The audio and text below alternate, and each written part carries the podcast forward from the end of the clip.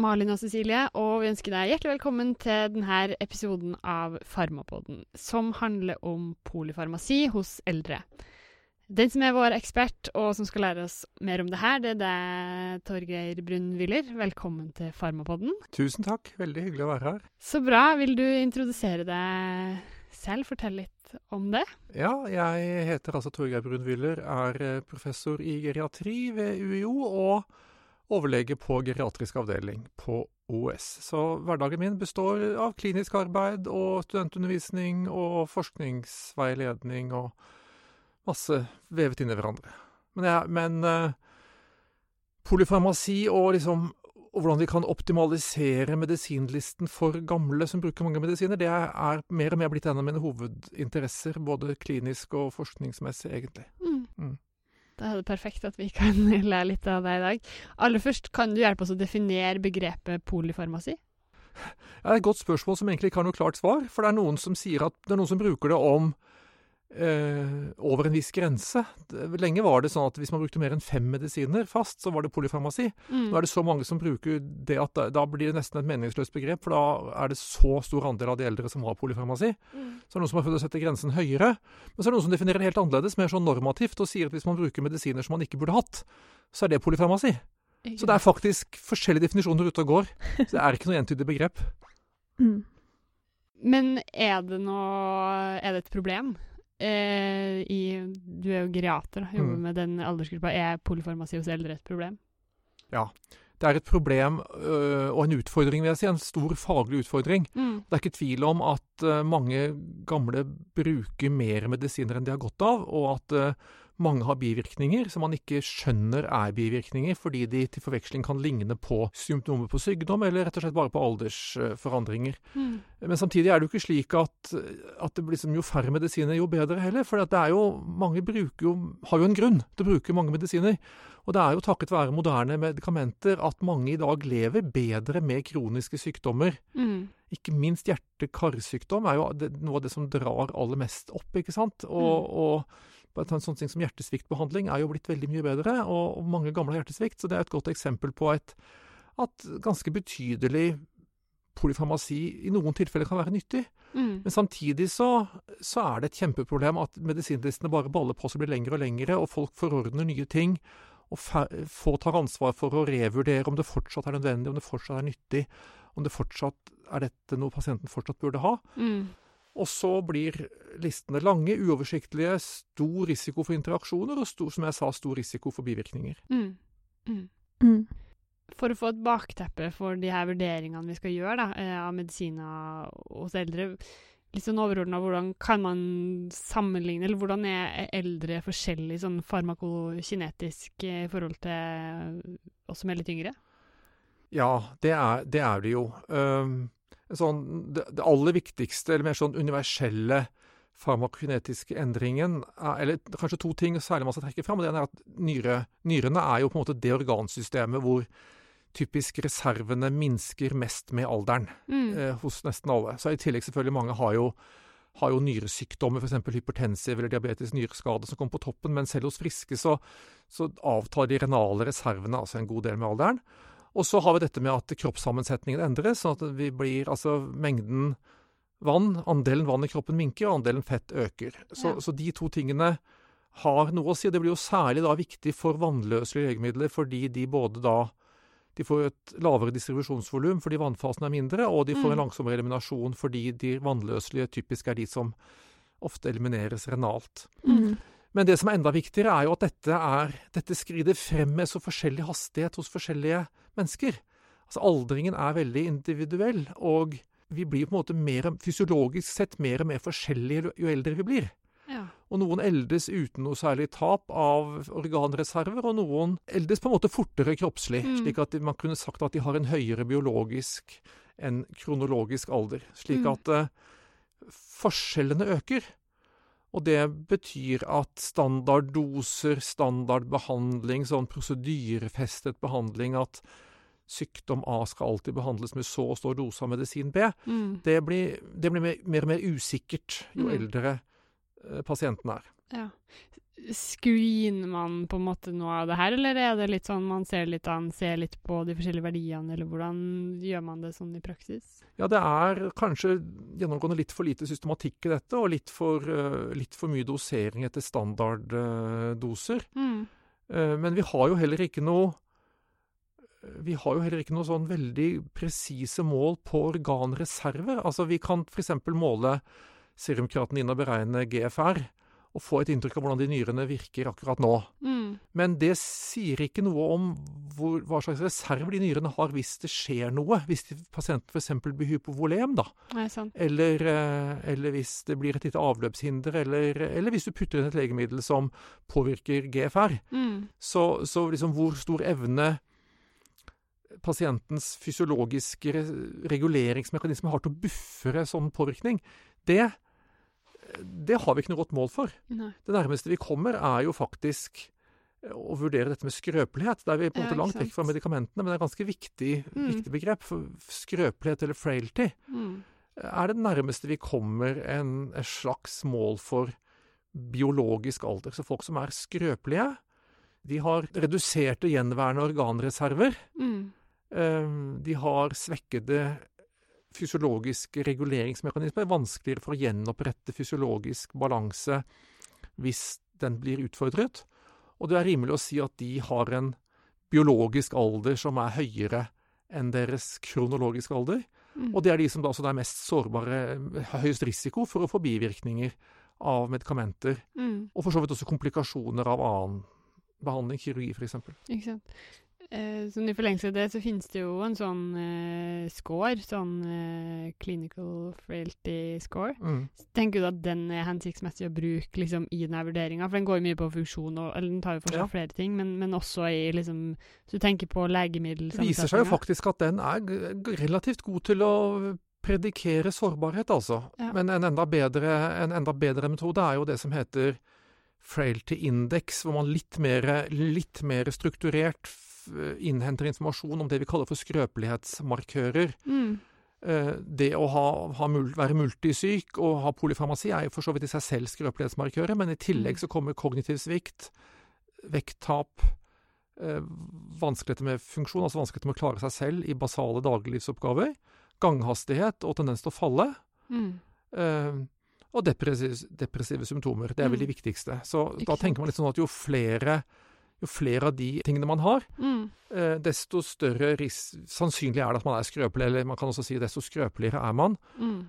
Det betyr at ikke de skal behandles aktivt, men det betyr at de trenger mer tilpasset behandling, altså. Mm. Også, det er jo også det at, de er, altså at en pasient er skrøpelig, øker jo også sannsynligheten for at vedkommende ikke ligner noe særlig på de pasientene som har vært med i de randomiserte studiene som vår kunnskap om effekten av medikamentene bygger på, altså mm. evidensen. Mm. Mm. jo skrøpeligere pasienten er, desto større er risikoen for at evidensen egentlig ikke passer så godt for, det, for, den pasienten, fordi de skrøpelige pasientene typisk ikke har fått lov å være med Nei. i sånne RCT-er som, mm. som, er grunnlaget for vår evidens. Ikke sant. Mm. Mm. Eh, du nevnte kroppssammensetning og nyrer. Er lever noe man bryr seg om? Mange medisiner metaboliseres jo der faktisk mye mindre. Leverens ja. reservekapasitet er, er, så svær, ja. så man skal ha en ganske stor leversvikt før det spiller veldig stor rolle for uh, omsetningen av legemidler. Mm. Derimot så er det jo farmakogenetisk variasjon. Det er jo en kapittel for seg, som mm. dere sikkert har en egen episode om. Men, men den er jo Farmakogenetikken har vi jo med oss hele, hele livet. Men, eh, men allikevel får den jo på et vis større betydning hos de gamle, i hvert fall hos de skrøpelige. Hvis du tenker på en sånn ting som hvis man f.eks. er langsom omsetter på CYP2D6, så er man langsom til å nedbryte metoprolol. Og metoprolol er jo kjempemye brukt hos eldre. Mm. Uh, men hvis du er ung og ellers sprek, så tåler du vel kanskje bedre å ha en plasmakonsentrasjon av metoprolol som er for høy. Mm. For du har allikevel, hvis du i tillegg er gammel og skrøpelig og, og har en avvekende som litt, uh, har litt kjemisk skade, f.eks., så skal det jo så er du sannsynligvis høy risiko for f.eks. For, for å bli veldig bradikard, eller for å få symptomgivende pauser. Mm. Hvis du på toppen eh, får mye høyere serumkonsentrasjon av metaprolol enn det som var meningen. Mm. Sånn at, mm. Eh, så selv om den, det å være langsom SYP2D6-omsetter ikke er noe man blir med alderen, så, så kan konsekvensene bli større da. Mm. Det er det samme, det er samme som jeg sa, at, at uh, reservekapasiteten for å tåle en påkjenning, en fysiologisk påkjenning, ikke sant? og det blir veldig alt, egentlig altfor høyt dosert Mm. fordi man ikke har tatt hensyn til genetikken, det, eh, det er jo en påkjenning. Som man da har vanskelighet, større vanskelig for å motregulere når man er gammel, og i hvert fall hvis man er gammel og skrøpelig. Mm. Mm. Ja, Det er veldig interessant. Nå har vi jo snakka litt om eh, farmakokinetikken med nyrefunksjon og, og endring av vanninnhold i kroppen osv. Men hvordan endres farmakodynamikken hos eldre? Ja, det er også sammensatt. Um, og det viktigste igjen, igjen er jo da, da kommer vi egentlig litt tilbake til det samme. Mm. At uh, den viktigste farmakodynamiske endringen er jo at de fysiologiske, homostatiske reguleringsmekanismene er svekket. Mm. Og igjen kan f.eks. baroreseptorrefleksen, da, sant, som er ansvarlig for det under at vi kan stå oppreist uten å besvime alle sammen. Det er jo helt fantastisk. Eller reise oss opp uten at alt uh, vannet bare renner i beina. Ja. Det er veldig mye som skjer veldig fort, ikke sant, med frekvensøkning, kontraktilitetsøkning, uh, vasokonsentrasjon i beina og sånn. Og det går litt langsommere og litt mindre presist med alderen, og i hvert fall hos de som er skrøpelige, i hvert fall hos de som har, også er preget av, av kronisk sykdom. Og Hvis du da får et legemiddel som i tillegg utfordrer dette, som f.eks. de fleste antihypertensiver gjør, så vil jo evnen, eller altså sårbarheten for da f.eks. å bli så ortostatisk at man faller eller besvimer av det, er jo større. Mm. Så det er, jo en, det, det vil, det er jo en farmakodynamisk endring med alderen, at de fysiologiske reguleringsmekanismene som legemidlene griper inn i, er, eh, ofte er svekket, eller ofte er, er langsommere, mindre presise og sånn. Så er det også noe mer, noen spesifikke eh, farmakodynamiske endringer. altså Reseptortetthet Veldig mange legemidler virker jo på reseptorer. Mm. Og, og reseptortettheten i mange organer går ned. Det Mm. betyr at legemidler som er agonister, ofte får noe svakere effekt. Mens Mm. legemidler som er antagonister, ofte får noe sterkere effekt med alderen. Mm. Det er, så et sånt godt eksempel på det, eh, s- fordi det er så vanlig, er jo, er jo kolspasienter medikasjon for kols, ikke sant? hvor det er en klinisk erfaring at, at antikolinerge kolsmedisiner, sånn som uh, Atrovent og Spiriva, ofte kan ha bedre effekt hos gamle kolspasienter enn de adrenerge agonistene, sånn som f.eks. Uh, Ventolin. Ja. Eh, og det kan nok ha en sånt farmakodynamisk eh, reseptortetthets I hvert fall delvis være årsaken til det. At det med færre, færre kolinerge reseptorer, så, så skal det mindre legemiddel til for at de blir effektivt blokkert. Mm. Derfor så virker disse antikolinerge kraftigere. Mens, eh, mens med færre adrenerge reseptorer, så blir det, så blir det færre hos Altså s- s- en, en, en agonist, en stimulator, virker dårligere da. Mm. Ja. Bør man da tenke på å redusere og eller øke dosen hos eh, Men, eldre? men i praksis Ja, altså eh, mange, mange klinikere har den erfaringen at gamle med kols har bedre, bedre nytte av disse antikolinerge. Mm. Uh, men, men er uan, det er akkurat litt spesielt der, for da har vi liksom valget mellom to sånn hovedklasser som har akkurat Det er lett å illustrere det, for at der har Ja. du akkurat de kolinerge og de Eller de antikolinerge, mener jeg, og de, og de adrenerge. Som, som du kan velge mellom, eller ofte bruker kombinasjon, men du kan velge den ene eller den andre. Uh, ellers så blir det jo mer at vi må bare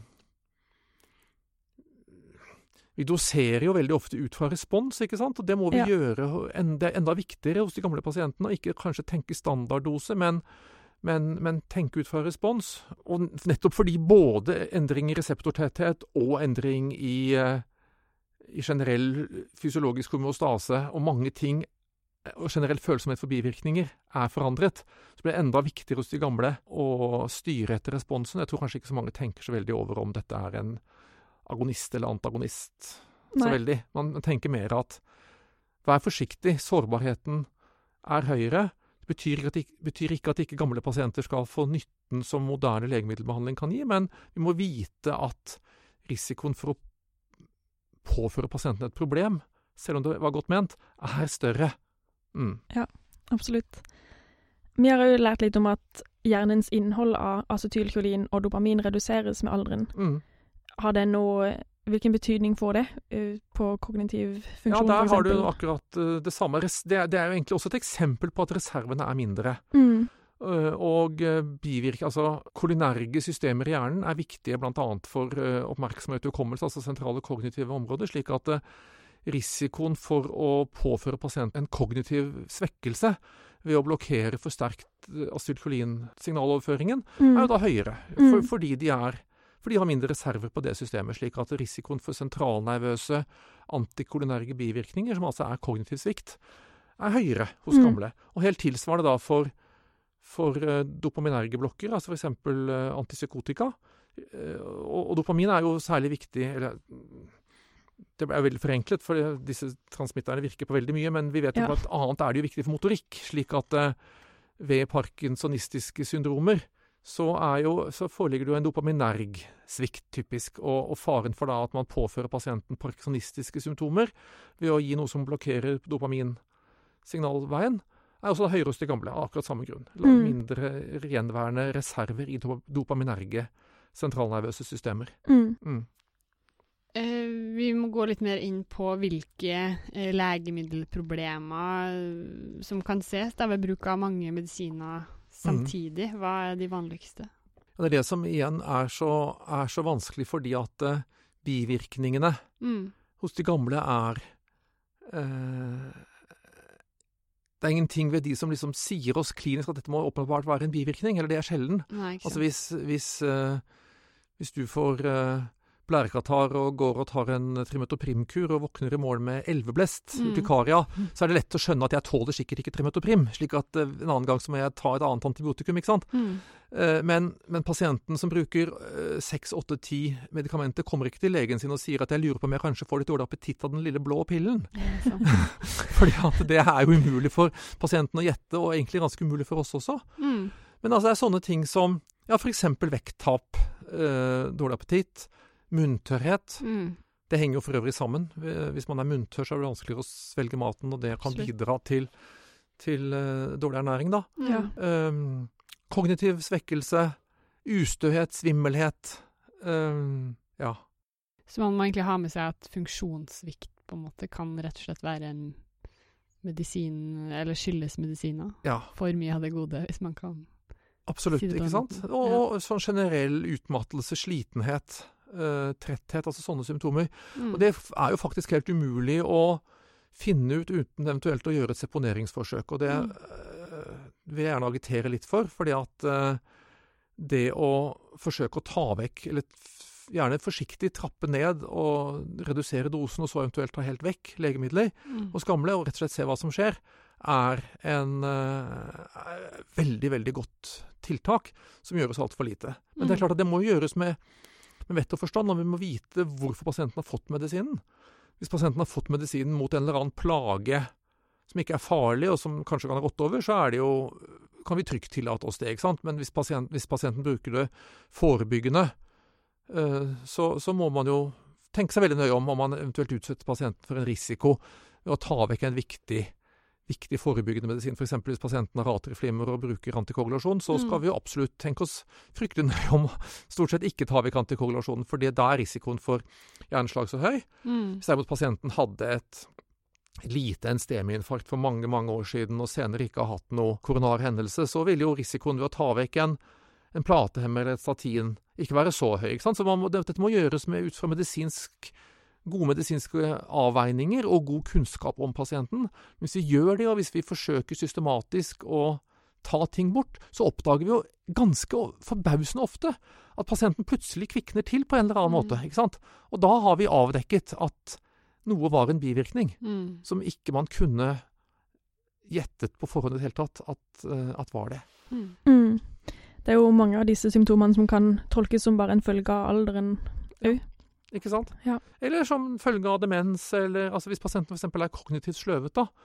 Og det kan jo godt være de har en demens også, men nettopp hvis man har en begynnende demens, så er jo, det er jo sårbarheten for, eh, for legemidler som gir en ytterligere kognitive bivirkninger, er jo selvfølgelig større. Mm. Hvis man allerede har en syk hjerne, så har man i hvert fall mindre mulighet for å eh, tolerere Eller ja lavere toleranse for legemidler som har kognitive bivirkninger. Mm. Mm. Og det, ja, det, er et godt eksempel. da, for Antiepileptika for eksempel, har jo ikke sjelden kognitive bivirkninger. Mm. Og, og, det er jo også, da kan jo indikasjonen være mer eller mindre god. Hvis pasienten driver, Før pasienten fikk den medisinen, drev og hadde stadig anfall, og det har gått over da, etter at de startet med den med epilepsimedisinen, så er jo indikasjonen kjempegod. Og, og man må være man må mistenke bivirkninger veldig sterkt, for å, men kanskje man skal skifte et annet. Det, av og til gjør vi det også. Hvis derimot den epilepsidiagnosen er ganske tvilsom og usikker, og pasienten ikke har hatt anfall på mange, mange år, så, så, vil jo de fleste være enige om at da er det jo riktig å, å, å gjøre et seponerings- eller nedtrappings, langsomt nedtrappings- og seponeringsforsøk. Mm. Så kan det selvfølgelig hende at pasienten får tilbakefall av anfall, men, men da er kanskje sannsynligheten for at pasienten våkner litt opp og blir kvitt de kognitive bivirkningene av antiepileptika mm. større. Ja. Slik at vi må tørre det. Mm. Vi vil eh, gå litt nærmere inn på en sånn legemiddelgjennomgang seinere ja. i episoden. Ja. Men jeg tenker kanskje òg at pasienter som går på mange medisiner samtidig, at medisinene òg kan interagere med hverandre. Mm. Og interaksjoner Det er klart, det er klart at jo, hvis bruker, hvis listen er lang, så øker jo andelen mulige interaksjoner helt enormt, ikke sant?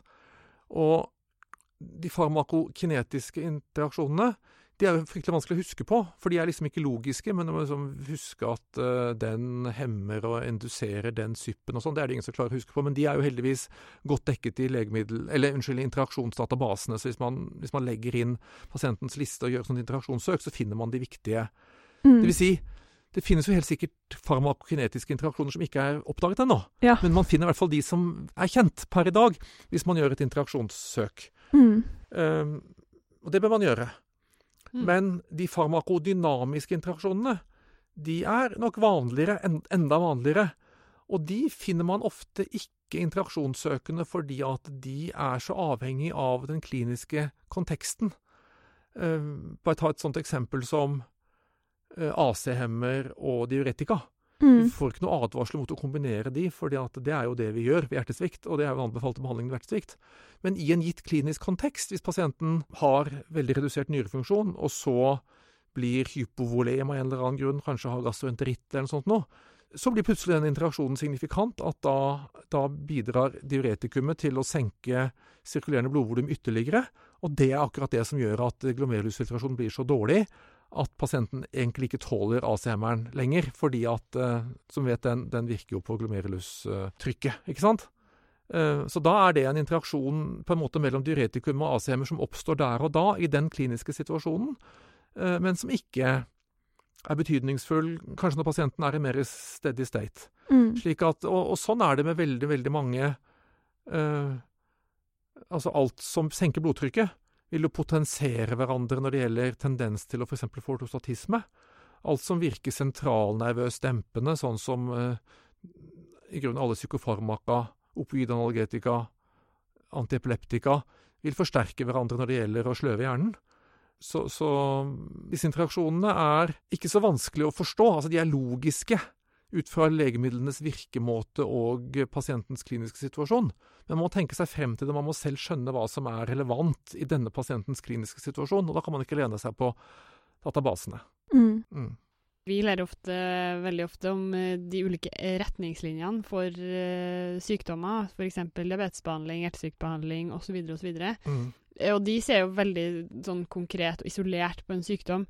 Tenker du at det er et problem på en måte innenfor hos de eldre, da, hvor man ofte ser flere sykdommer samtidig? Retningslinjemedisin fungerer ikke overfor uh, geriatriske pasienter, rett og slett. Nei. For det første så, som jeg var inne på litt i sted, mm. for det første så bygger jo de retningslinjene på evidens som vi ikke kjenner gyldigheten av for de, uh, for de skrøpelige pasientene som feiler mange andre ting, mm. i tillegg til den sykdommen som retningslinjene uh, er lagd for.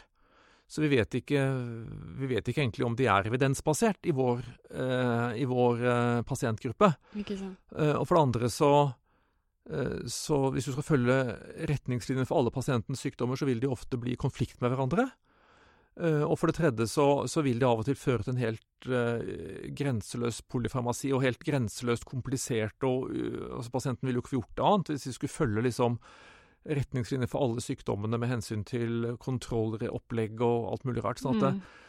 Retningslinjemedisin passer for byråkratene, fordi at da kan de liksom kontrollere oss og se om liksom, tikk off at vi har fulgt retningslinjene. Mm. Og så passer det for legemiddelindustrien, fordi legemiddelindustrien kan markedsføre seg med at retningslinjene sier at du skal alltid bruke vårt medikament. eh, til den. Men det passer ikke for gamle pasienter med, med polyfarmasi. Altså, det passer ikke fullt. Vi må selvfølgelig kjenne retningslinjene, Mm. og vi må kjenne evidensen, men vi må tilpasse det. Og, Mm. og vi må drive persontilpasset medisin, skreddersøm. Forsøke å lage eh, og sette sammen legemiddelopplegg Mm. som er optimale for akkurat, akkurat denne pasienten, og i akkurat den situasjonen her. Og det er heller ikke sikkert at det jeg forordner eller anbefaler pasienten min akkurat i dag, er det riktige om et halvt år eller om en uke for den saks skyld. Det kan skje ting som endrer pasientens kliniske og fysiologiske situasjon, som gjør at man må, må justere opplegget. Så at dette er, dette er persontilpasset, og det er, det er dynamisk. Mm. Og det er Mm. fryktelig morsomt og spennende å holde på med. Så det er mye morsommere enn å bare, bare følge guidelines. Ja, man må virkelig bruke hodet og Men det krever flinke doktorer, altså. Ja, ikke sant? Så vi må tørre Vi, vi, vi øver oss i geriatrien på å stikke brystkassa fram og si at du må være ordentlig flink for å få lov å jobbe med dette.